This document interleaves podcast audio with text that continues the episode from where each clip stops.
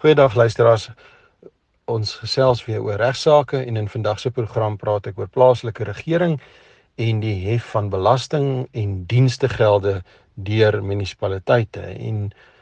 ja, die interessante vraag wat ons hier ontvang het gaan oor kan die munisipaliteit belasting of heffings um, instel as ek byvoorbeeld op 'n plaas nie dienste ontvang van die plaaslike regering soos vullisweggery ehm um, watervoorsiening en ensovoorts. En dis 'n interessante vraag en dink ek is dit om weg te spring om dit te antwoord gou-gou net kortliks belangrik om 'n onderskeid te tref tussen belasting ehm um, wat spesifiek gehef word in opsigte van eiendomse waarde en dan dienstegelde wat spesifiek gehef word in opsigte van 'n bepaalde diens. Belasting word gehef in terme van die plaaslike regering ehm um, munisipale belastingwet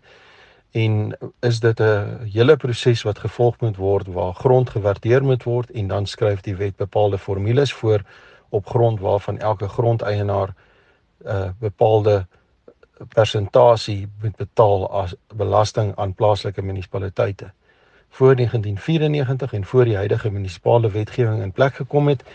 was dit daar 'n onderskeid tussen landelike gebiede of landbougebiede en dorpsgebiede, maar is dit sedertdien als verander en val plaasgrond of landbougrond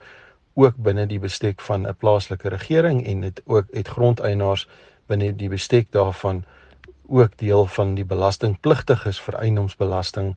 ehm um, begin val. Dienstegelde is iets anders. Dienstegelde word ge, gehef en word betaal wanneer dienste gelewer word en in meeste beleidsdokumente van plaaslike regering of 'n plaaslike belastingbeleidsdokument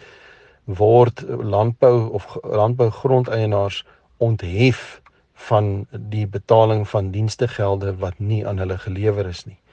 As dit nie die geval is nie en dit is ongelukkige vraag wat ek nie um, ten opsigte van elke munisipaliteit spesifiek kan beantwoord nie,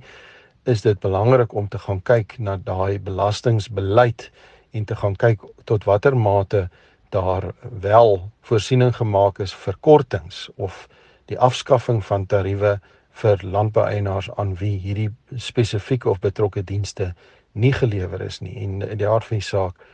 sal dit dan ook nodig wees dat die veral landbou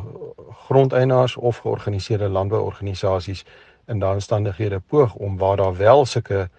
gelde gehef word dit aan te spreek in die volgende begroting van die plaaslike owerheid en dalk te beding dat daai fondse as dit dan wel gehef word dat dit in plaas van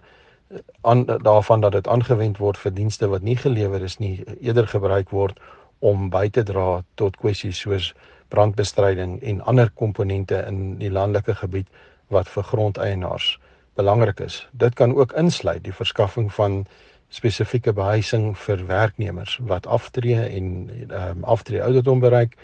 en om daar spesifiek dan ook binne die behuisingsopset van 'n plaaslike regering daarvoor voorsiening te maak. Die vraag wat spesifiek gevra was is ehm um, of ons vir uh, grondeienaars verplig kan word om hier, hierdie gelde te betaal en is die antwoord in eenvoudige of in eenvoudige opsommende gewys dood eenvoudig dat belasting ehm um, iets heeltemal anders is as dienstegelde en almal is verplig om dit te betaal. En dienstegelde is 'n kwessie wat ehm um, normaalweg betaal is betaalbaar is volgens dit wat gelewer word en as dit nie gelewer word nie behoort mense saak daarvoor uit te maak dat dit daar nie gelde daarvoor gehef te word nie en dan moet daar ook in daai opsig 'n uitsondering geskep te word vir grondeienaars wat binne die kategorie val van persone wat waan daai dienste nie gelewer is nie. Tot 'n volgende keer mag jy 'n aangename week hê.